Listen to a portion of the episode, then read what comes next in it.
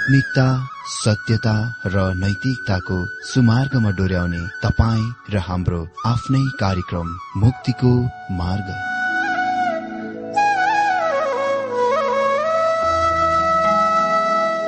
आदरणीय श्रोता यस मुक्तिको मार्ग कार्यक्रममा हार्दिक स्वागत छ। आशा छ यस आत्मिक कार्यक्रमद्वारा जीवनमा आत्मिक आशिष अलौकिक शान्ति र आनन्द प्राप्त गर्नुहुनेछ। र जीवनमा धन्य अनुभव गर्नुहुनेछ। आउनुहोस् श्रोता। मन र आत्माको तयारीको लागि यो मिठो अनि मधुर भजन गीत सुनौ।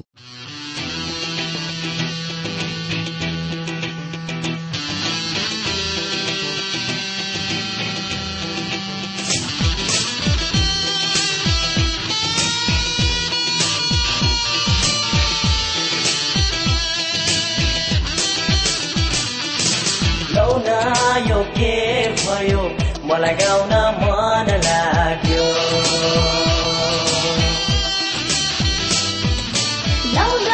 यो के भयो? मलाई नाच्न मन लाग्यो। यसलाई पाएपछि सबै बजा हटी गयो। सधैँ दुखी हुने यो मन अब खुसी हुन थाल्यो। यसलाई पाएपछि सबै बोझा हटी गयो सधैँ दुखी हुने यो मन। अब खुसी हुन थाल्यो। नयाँ जोसले छायो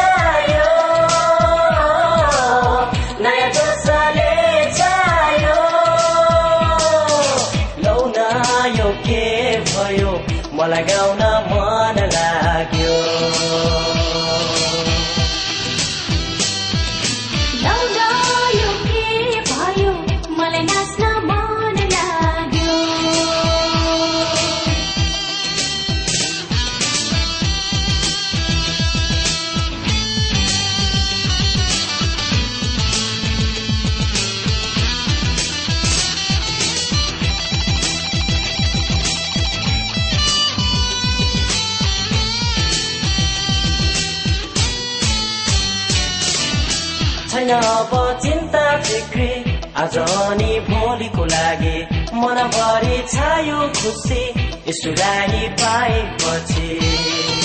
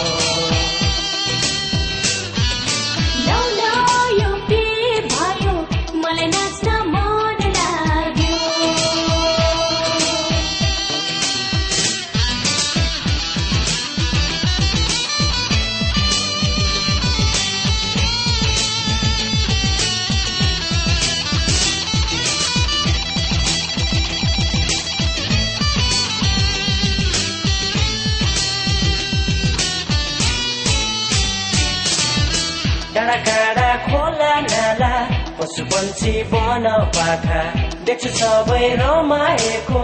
गर्दै प्रशंसा यसुको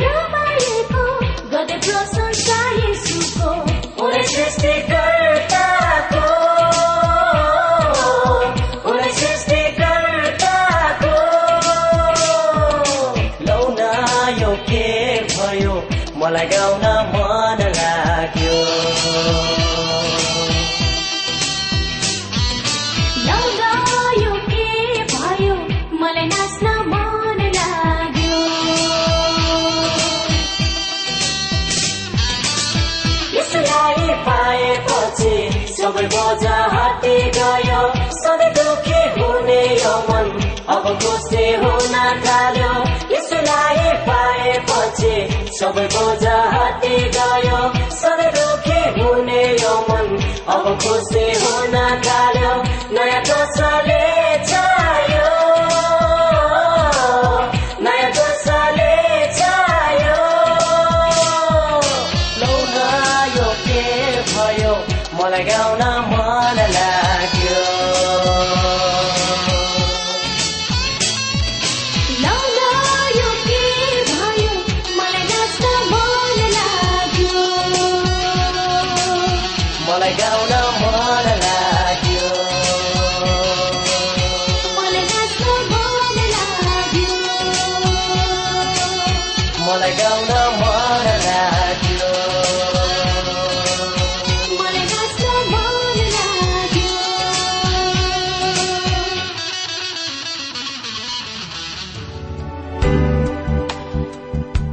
प्रिय श्रोता यो प्रसारण मार्फत यो अवगत गराउन चाहन्छौ कि प्रभुको सेवाको लागि यहाँहरूको साझेदारी नित्यन्त आवश्यकता छ। यहाँहरूले प्रार्थनाको साथसाथै आर्थिक सहायता गर्न अनुरोध गर्दछौ। तपाईँहरूको सानो भन्दा सानो भेटी किन नहोस्? हामी प्रभुको नाममा स्वीकार गर्नेछौ प्रभुको सेवाको लागि। तपाईँहरूको यो सानो लगानीले कसैको जीवनमा भिन्नता ल्याउँछ अनि प्रभुको महिमा हुन्छ? प्रभु तपाईँहरूलाई महान गरी आशिष दिनुहुनेछ। इच्छुक श्रोताहरूले तपाईँको इच्छा भेटी हाम्रो ठेगानामा पठाउन सक्नुहुन्छ जुन ठेगाना हामी कार्यक्रमको अन्तमा दिनेछौ। आउनुहोस् मित्र आज पनि हामी छोटो प्रार्थनाको साथ वचन अध्ययनमा प्रवेश गरौं। प्रभुजी आज पनि हामी तपाईँको उपस्थितिमा आएका छौं।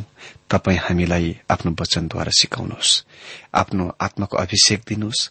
आफ्नो ज्ञान बुद्धिले भरिदिनुहोस् ताकि हामी सबै तपाईँको वचनमा मन लगाउन सकौं र तपाईँको वचनको रहस्य बुझ्न सकौं र आफ्नो व्यावहारिकताको जीवनमा लागू गरिकन तपाईँ प्रभुको महिमा गर्न सकौं। यसो प्रभुको नाममा यो प्रार्थना माग्छु। आमेन। मित्र आज हामी बाइबल अध्ययन प्रकाश बीस अध्याय एघारदेखि पन्ध्र पदबाट देख्नेछौ। जुनको विषय हो ठूलो सेतो सिंहासनको स्थापन जहाँ पापमै गुमेका र निन्दितहरूलाई न्याय गरिन्दछ प्रकाश बीस अध्याय एघार पदमा यस प्रकार लेखिएको छ। भनिएको छ यहाँ। अनि मैले एउटा ठूलो सेतो सिंहासन र त्यसमाथि बस्नुहुनेलाई देखे जसको सामुन्नेबाट पृथ्वी र आकाश भागे अनि तिनीहरूका निम्ति कही ठाउँ पाइएन। मित्र यो ठूलो सेतो सिंहासनको सम्बन्धमा धेरै मानिसहरूले भूल गरेर गलत सम्झेर सामान्य आम न्याय वा दण्ड हो भनेका छन् र विचार गरेका छन्। यो खालि यस अर्थमा सामान्य आम हो कि सम्पूर्ण युगका सम्पूर्ण पापमा गुमेका निन्दित भएकाहरू यहाँ न्याय गरिनलाई ब्युटी उठ्नेछन्। उद्धार पाएकाहरू सबै पहिलो पुनरुत्थानमा ब्युटी उठेका छन्। क्लेशका सन्तहरू पनि पहिलो पुनरुत्थानमा भाग लिनेछन्। तिनीहरू पहिलो पुनरुत्थानमा सम्मिलित हुन्छन्। यो दोस्रो पुनरुत्थान हो। जुनमा पापमा गुमेका निन्दितहरू तिनीहरूका उद्धारको सम्बन्धमा तिनीहरूका कामहरूको निष्पक्ष उचित र न्यायोचित इभालुएसन मूल्याङ्कन दिनलाई ब्युति उठ्नेछन्। एकजना मानिसले आफ्नो मृत्यु शयमा वा मरिरहेको बेलामा मलाई भन्यो प्रचारक तपाईँले मसँग भविष्यको बारेमा कुरा गर्न आवश्यक छैन। म मेरो भाग्यलाई तकदिरहरूको आफैले नै सम्हाल्नेछु म विश्वास गर्दछु कि परमेश्वर न्याय निष्पक्ष र धर्मी हुनुहुन्छ र मलाई मेरो आफ्नै कामहरूको प्रस्तुत गर्न पेश गर्न छोडिदिनुहुनेछ। मैले उसलाई भने तपाईँ बिल्कुल सही कुरा गरिरहनु भएको छ। उहाँले तपाईँलाई आफ्ना कामहरूको पेश गर्न दिनुहुनेछ। त्यो नै उहाँ भन्नुहुन्छ कि उहाँ गर्न गइरहनु भएको छ। तर तपाईँको निम्ति मसँग समाचार छ। एक सन्देश छ। त्यस न्यायमा दण्डमा कोही पनि उद्धार पाउँदैन। किनभने तपाईँ आफ्ना कामहरूद्वारा उद्धार पाउन सक्नुहुन्न। तपाई परमेश्वरको धार्मिक उपस्थितिको सेतो ज्योतिमा उभिन हुन्छ। तपाईँका सानातिना कामहरू त्यति साना र निकममा देखिन्दछ कि त्यो कति पनि र कुनै कामको लागि कामकै छैन। कुनै महत्वको नै हुँदैन। के दिन पहिले मेरो सानी छोरीले तिनको मम्मीलाई आफैले टिपेका फूलहरू ल्याइदिइन्? र म तपाईँलाई भन्न चाहन्छु कि तिनीहरू खिन्न देखिने फूलका गुथा थिए। अति नै गौरवसँग तिनले ती फूलहरू आफ्ना मम्मीलाई दिइन् र तिनको मम्मीले तिनलाई माया गरेर सुन्दर प्यारो फूलहरूको लागि धन्यवाद दिइन्। जब मैले ती फूलहरूको गुथामा हेरे म मुसुक्क हाँस्न बाहेक केही गर्न सक्दिनथे। तर उही समयमा मैले तुरन्तै यो कुराको थाहा गरे कि यो कति गम्भीर हुन गइरहेको छ जब यी सुन्दर राम्रा बच्चाहरू आफ्ना साना फूलका गोता लिएर ख्रिस्टको उपस्थितिमा उभिन्दछन् जसलाई अस्वीकार गरिन्दछ इन्कार गरिन्दछ तिनीहरूले आशा गर्दछन् कि उहाँ त्यो हजुर आमा वा आमा जस्तै हुनुहुनेछ जसले तिनीहरूलाई माया गरेर भनेछ ओ तिमी कति प्यारा सुन्दर बच्चा हौ। मेरो मित्र यो गम्भीर कुरा हो। उहाँको उपस्थितिमा उभिन्नको निम्ति तपाईँले उहाँलाई आफ्नो उद्धारकर्ताको रूपमा ग्रहण गर्न आवश्यक छ। तपाईँलाई ख्रिस्टको धार्मिकताले पहिराइएको हुनुपर्छ। के तपाईँलाई थाहा छैन? यो बाहेक हामी पापीहरू हौ र हामी पापैमा गुमेका निन्दित हौ। हामी आफैलाई अरू मानिसहरूसँग तुलना गर्न मन पराउँछौ। म त्यो फल्ना फल्ना भन्दा त असल छु राम्रो छु मैले त त्यो भन्दा राम्रै काम गरेको छु राम्रै वचन पढ्छु राम्रै वचन सुन्छु चर्चमा सधैँ आउँछु। निश्चय नै तपाईँ असल हुनुहुँदो हो तर तपाईँले त्यस फल्ना व्यक्तिको बारेमा जान्नुपर्छ। समुएल जोन्सनले भनेथे हरेक मानिसले आफ्नो बारेमा निश्चय नै जान्दछ। जुनको उसले आफ्ना सबभन्दा प्रिय मित्रलाई पनि भन्न आँट गर्दैन। तपाईँ आफैले राम्ररी जान्नुहुन्छ। जान्नुहुन्न र निश्चय नै।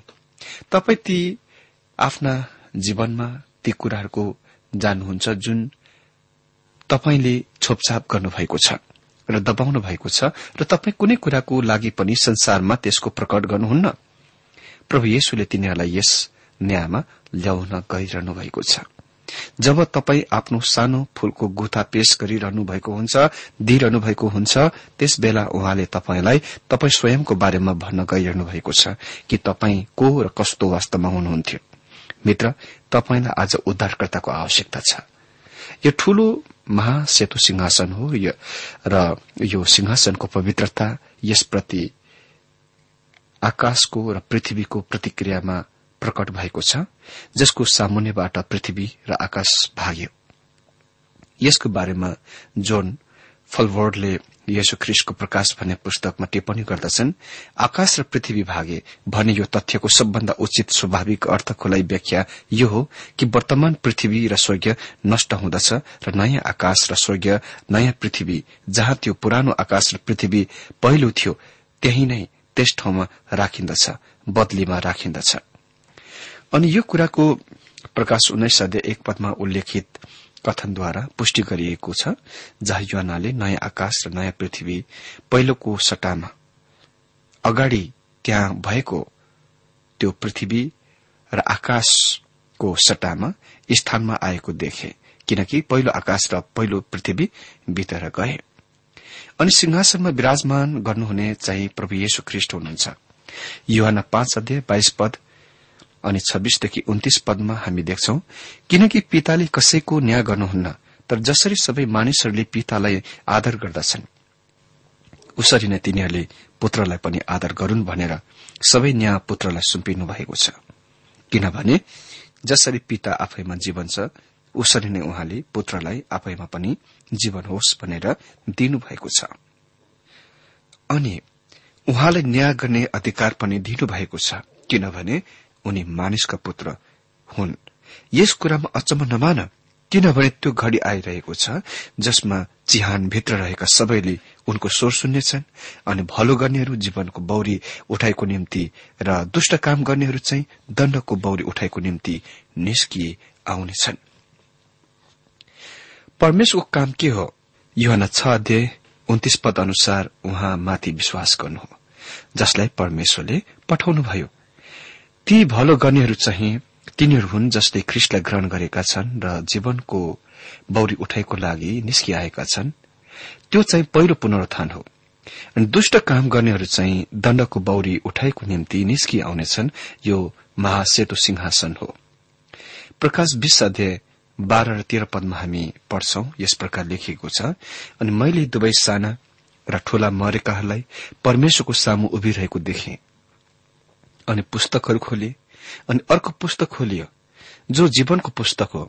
अनि ती पुस्तकहरूमा लेखिएका कुराहरूबाट मरेकाहरूका न्याय तिनीहरूका कामहरू अनुसार गरियो। अनि समुद्रले समुद्रले त्यसभित्र भएका मरेकाहरूलाई दिइहाल्यो अनि मृत्यु र नरकले तिनीहरूभित्र भएका मरेकाहरूलाई दिइहाल्यो अनि तिनीहरूका कामहरू अनुसार तिनीहरू हरेको न्याय गरियो। अमित्र तपाई त्यहाँ निष्पक्ष उचित जाँच परीक्षण वा मुक्तमा पाउन योग्य हुनुभएको छ वा योग्य हुनुहुनेछ? तपाईँको जीवन ठिक टेप रेकर्डको सामने छ र रेकर्डिङ भइरहेको छ।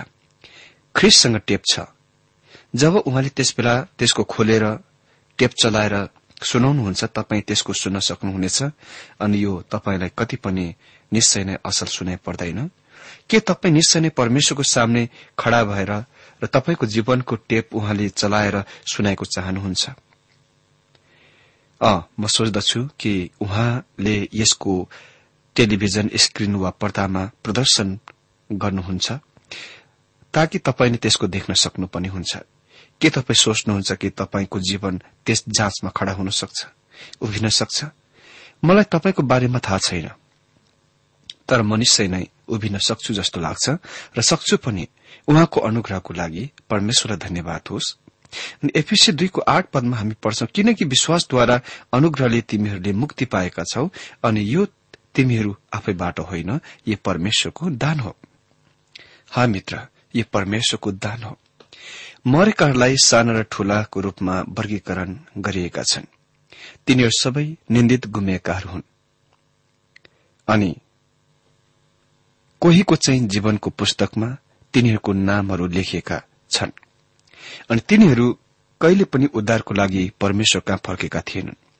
प्रभु येशुले युहना पाँचको चालिस पदमा आफ्नै पिढ़ीमा वा पुस्तामा त्यसको भन्नुभयो तिमीहरू जीवन पाउनलाई मका आउन इच्छुक छैनौ। यी मानिसहरू जो उहाँको सामने खड़ा उभिएका छन् तिनीहरू आएका थिएनन्। मित्र यी पुस्तकहरू चाहिँ सम्पूर्ण व्यक्ति विशेषका कामहरूको रेकर्ड गर्दछ। उही समयमा परमेश्वरले टेप रेकर्डरको राख्नुहुन्छ र उहाँले त्यसको चलाएर बजाइदिनुहुन्छ। जुनले तिनीहरूको जीवनको रेकर्ड गरेको हुन्थ्यो। त्यहाँ धेरै राजनीतिज्ञहरू हुनेछन् जसको त्यस दिनमा जीवनको रेकर्ड गरिएको टेपहरू चलाएर बजाइनेछ। अनि त्यहाँ सरकारी मानिसहरू प्रचारकहरू सेवकहरूको पनि त्यस दिनमा तिनीहरूको जीवनको टेप रेकर्ड गरिएका टेपहरू बजाइनेछन् र तिनीहरू त्यसको बारेमा निश्चय नै खुशी हुन गइरहेका छैनन्। यदि तपाई उद्धार पाउनु भएको व्यक्ति हुनुहुन्छ भने तपाई यस न्यायको सामने उभिन त गइरहनु भएको छैन। तपाईँका कामहरू ख्रिष्टको न्याय आसनमा परमेश्वरको सन्तानको रूपमा न्याय गरिनेछन्। जुन चाहिँ दोस्रो कोरन्थी पाँचको दश पद अनुसार पुरस्कार वा इनामको उद्देश्यको लागि हुनेछ। ठूलो महासेतु सिंहासनको न्याय चाहिँ पापैमा गुमेका निन्दितहरूका लागि न्याय हो। धेरै मानिसहरू आफ्ना कामहरू अनुसार न्याय गरिरहेको चाहन्छन्। यो तिनीहरूको मौका हो। न्याय न्यायोचित उचित निष्पक्ष छ तर कामहरूद्वारा कोही पनि उद्धार पाउन सक्दैन अनि उद्धार गरिँदैनन्। अनि समुद्रले त्यसभित्र भएका मरेकाहरूलाई दिइहाल्यो। हजारौं ती मानिसहरू जो पानीमा डुबेर मरे उद्धार नपाइकनै र तिनीहरूका जो उद्धार नपाइकन पानीको चिहानमा गएका छन् जुनमा तिनीहरूका शरीरहरूका रसायनहरू वा रासायनिकहरू समुद्रका पानीहरूसँग विलीन भएका छन्। तिनीहरू ब्यौती उठ्नेछन् परमेश्वरलाई यससँग कुनै समस्या छैन। ब्यौत उठाउनलाई। त्यसो त भन्नुपर्दा तिनीहरू खालि परमाणु मात्र हुन्। उहाँले गर्नुपर्ने काम खालि तिनीहरूलाई एकट्ठामा एकसाथमा भेला गर्नु हो। उहाँले यसको एकपल्ट गर्नुभयो र उहाँले फेरि यसको गर्न सक्नुहुन्छ र गर्नुहुनेछ। पृथ्वीका चिहानहरूले तिनीहरूका शरीरहरूलाई दिइहाल्नेछ र अघात खाँद जुनलाई यहाँ नर्कको रूपमा अनुवाद गरिएको छ जुन वास्तवमा खास अनुवाद चाहिँ अघात खाँद वा अथाकुण्ड हो जहाँ पापैमा मरेका निन्दित गुमेकाहरूका आत्मा जान्छ त्यसले पनि यो दण्डको न्यायको लागि आफूभित्र भएकाहरू ती मरेकाहरूलाई दिइहाले। अनि चौध र पन्ध्र पदमा हामी पढ्छौं अनि मृत्यु र नरक आगोको झील भित्र फ्याँकिए। यो दोस्रो मृत्यु हो अनि जसको नाम जीवनको पुस्तकमा लेखेको पाइएन त्यो आगोको झीलभित्र फ्याँकियो। मित्र फेरि म एकपल्ट तपाईँको ध्यान आकर्षण गर्न चाहन्छु। यहाँ उल्लेखित नर्कको खास उचित अनुवाद चाहिँ अघात खाँद हो।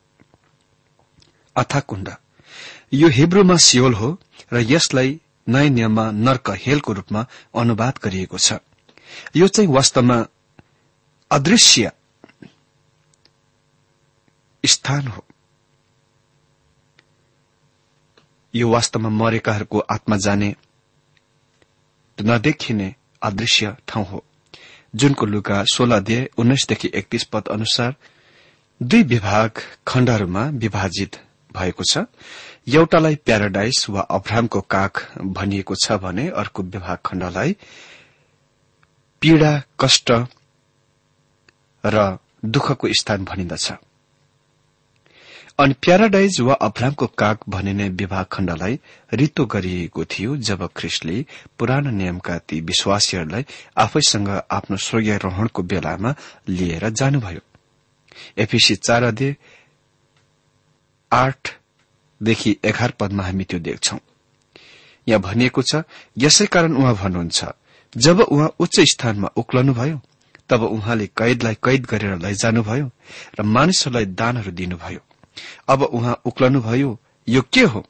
उहाँ पहिले पृथ्वीका तल्ला भागहरूमा ओर्लनु पनि भयो। भनेको बाहेक अरू के हो र? जो ओर्लनु भयो अनि हामी देख्दछौ कि उहाँ उही हुनुहुन्छ जो सबै कुराहरूलाई भरिदिनलाई सारा स्वर्गीय दूतहरूभन्दा धेरै माथि उक्लनु पनि भयो। ख्रिस्टले दुई कामहरू गर्नुभयो। जब उहाँ स्वर्गीयमा उक्लिजानुभयो पहिलो उहाँले पृथ्वीमा मानिसहरूलाई आत्मिक दान वरदान दिनुभयो। दोस्रो उहाँले पुरानो नियमका सन्तहरू विश्वासीहरूलाई स्वर्गीयमा आफैसँग लिएर जानुभयो जो यो प्याराडाइस वा अब्राहमको काक भन्ने स्थानमा थिए।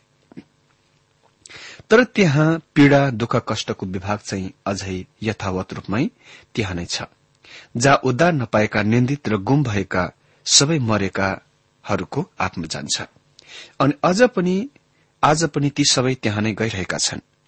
र त्यस पीड़ा कष्टको स्थानले महासेतो सिंहासनमा र त्यस न्यायमा ती गुमेका निन्दित सबैहरूलाई दिइहाल्नेछ।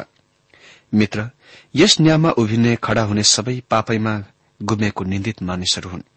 र हामीले भनिएको छ कि सेतो सिंहासनको न्यायपछि तिनीहरूलाई आगोको झेलमा फ्याँकिनेछ। जुन दोस्रो मृत्यु हो प्रभुले यसलाई बाहिरको घोर अन्धकार ठाउँ पनि भन्नुभयो। हामी विश्वास गर्दछौ यो अक्षरस वा साँच्चैकै आगो वा बाहिरको अन्धकार भन्दा अझ धेरै खराब केही कुराको प्रतीकात्मक हो। चिन्ह तस्विर हो। यो परमेश्वरबाट अनन्तकालको सधैँको लागि अनन्त अलगाव हो।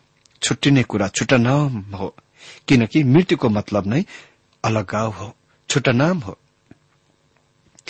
मृत्यु मानिसको अन्तिम ठूलो शत्रु हो। अन्तिममा त्यसलाई दृश्यबाट हटाइनेछ। अब कति पनि यसो भनिने छैन र भन्नु पर्ने पनि छैन। आदममा सबै मर्छन्। मृत्युलाई यस मामलामा व्यक्तिकरण गरिएको छ किनकि यो मानिसको सबभन्दा ठूलो शत्रु हो। पुरानो नियममा हामी पढ्छौं होसे तेह्र अध्याय चौध पदमा म तिनीहरूलाई चिहानको शक्तिदेखि मोल तिरेर छुटाउनेछु। म तिनीहरूलाई मृत्युदेखि मुक्त गर्नेछु। ए मृत्यु तेरो महामारीको प्रकोप कहाँ छ? ए चिहान तेरो नाश गर्ने शक्ति कहाँ छ? अनि पाउले लेख्छन् पहिलो कुरन्थी पन्ध्र अध्याय छब्बीस र पचपन पदमा आखिरी शत्रु चाहिँ जो नष्ट पारिनेछ त्यो मृत्यु हो। आखिरी शत्रु चाहिँ मृत्यु हो जुन नष्ट पारिनेछ। हे मृत्यु तेरो खेल कहाँ छ? हे चिहान तेरो विजय कहाँ छ? अघात खाद वा अथाकुण्ड जुनलाई यहाँ नर्कको रूपमा अनुवाद गरिएको छ अनि जुन चाहिँ आत्माहरूको कैद खान हो त्यसलाई पनि उसरी नै आगोको झिलभित्र फ्याँकिनेछ। अहिले पापैमा गुमेका निन्दित भएका उद्धार नपाएकाहरू कति पनि अगाध खानमा छैनन् तर आगोको झेलमा छन्। किनकि अन्त्यमा तिनीहरूलाई त्यहाँदेखि जब निस्कनेछन् र सेतो सिंहासनको न्यासन हुनेछ त्यसपछि तिनीहरूलाई आगोको झेलमा फ्याँकिनेछ। त्यहाँ नै शैतान त्यो पशु झुटा भविष्यवक्ता र तिनीहरूका सेवकहरूलाई फ्याँकिन्दछ। तिनीहरू नै तिनीहरूको जीवनको अन्तिम स्थान हो। यदि मानिसले परमेश्वरको जीवनको ग्रहण गर्दैन भने उसले खालि अर्को विकल्पको ग्रहण गर्नुपर्छ स्वीकार गर्नुपर्छ। शैतानसँग अनन्तकालको लागि सधैँको लागि संगति वा उसँगै एकै ठाउँमा रहने।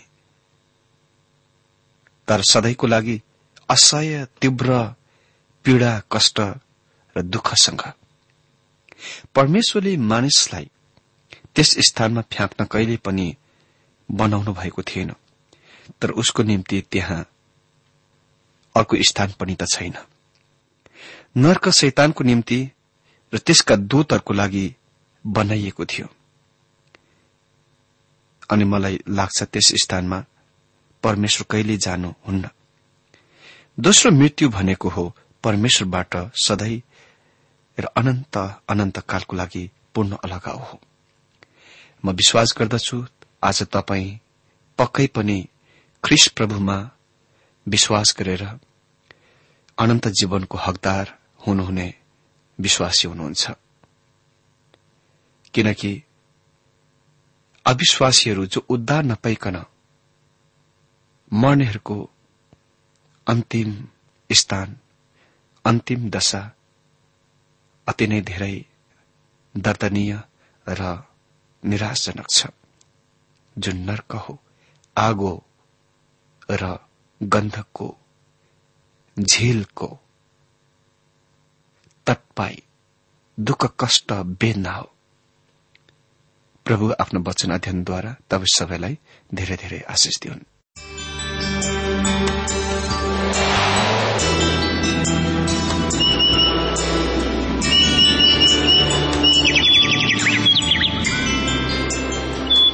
प्रिय श्रोता अहिले भर्खरै तपाईँले टीडब्ल्यूआर नेपालद्वारा संचालित आत्मिक कार्यक्रम मुक्तिको मार्ग सुनिरहनु भएको थियो। श्रोता आजको यो कार्यक्रम सुनेर तपाईँलाई कस्तो लाग्यो? यदि यो कार्यक्रम सुनेर मनमा कुनै खुल्दुली वा कुनै प्रतिक्रिया अर्थात सुझावहरू छन् भने हामीलाई पत्रद्वारा लेख्न सक्नुहुनेछ।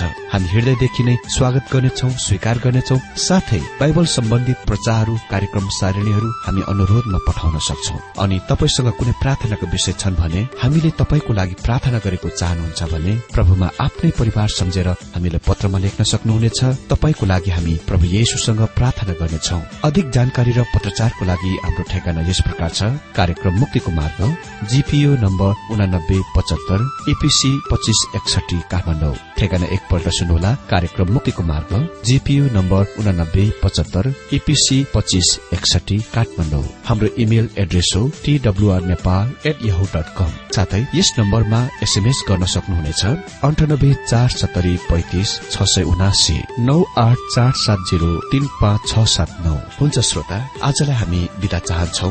अर्को कार्यक्रममा हामी पुनः भेट्नेछौ तबसम्मलाई नमस्कार।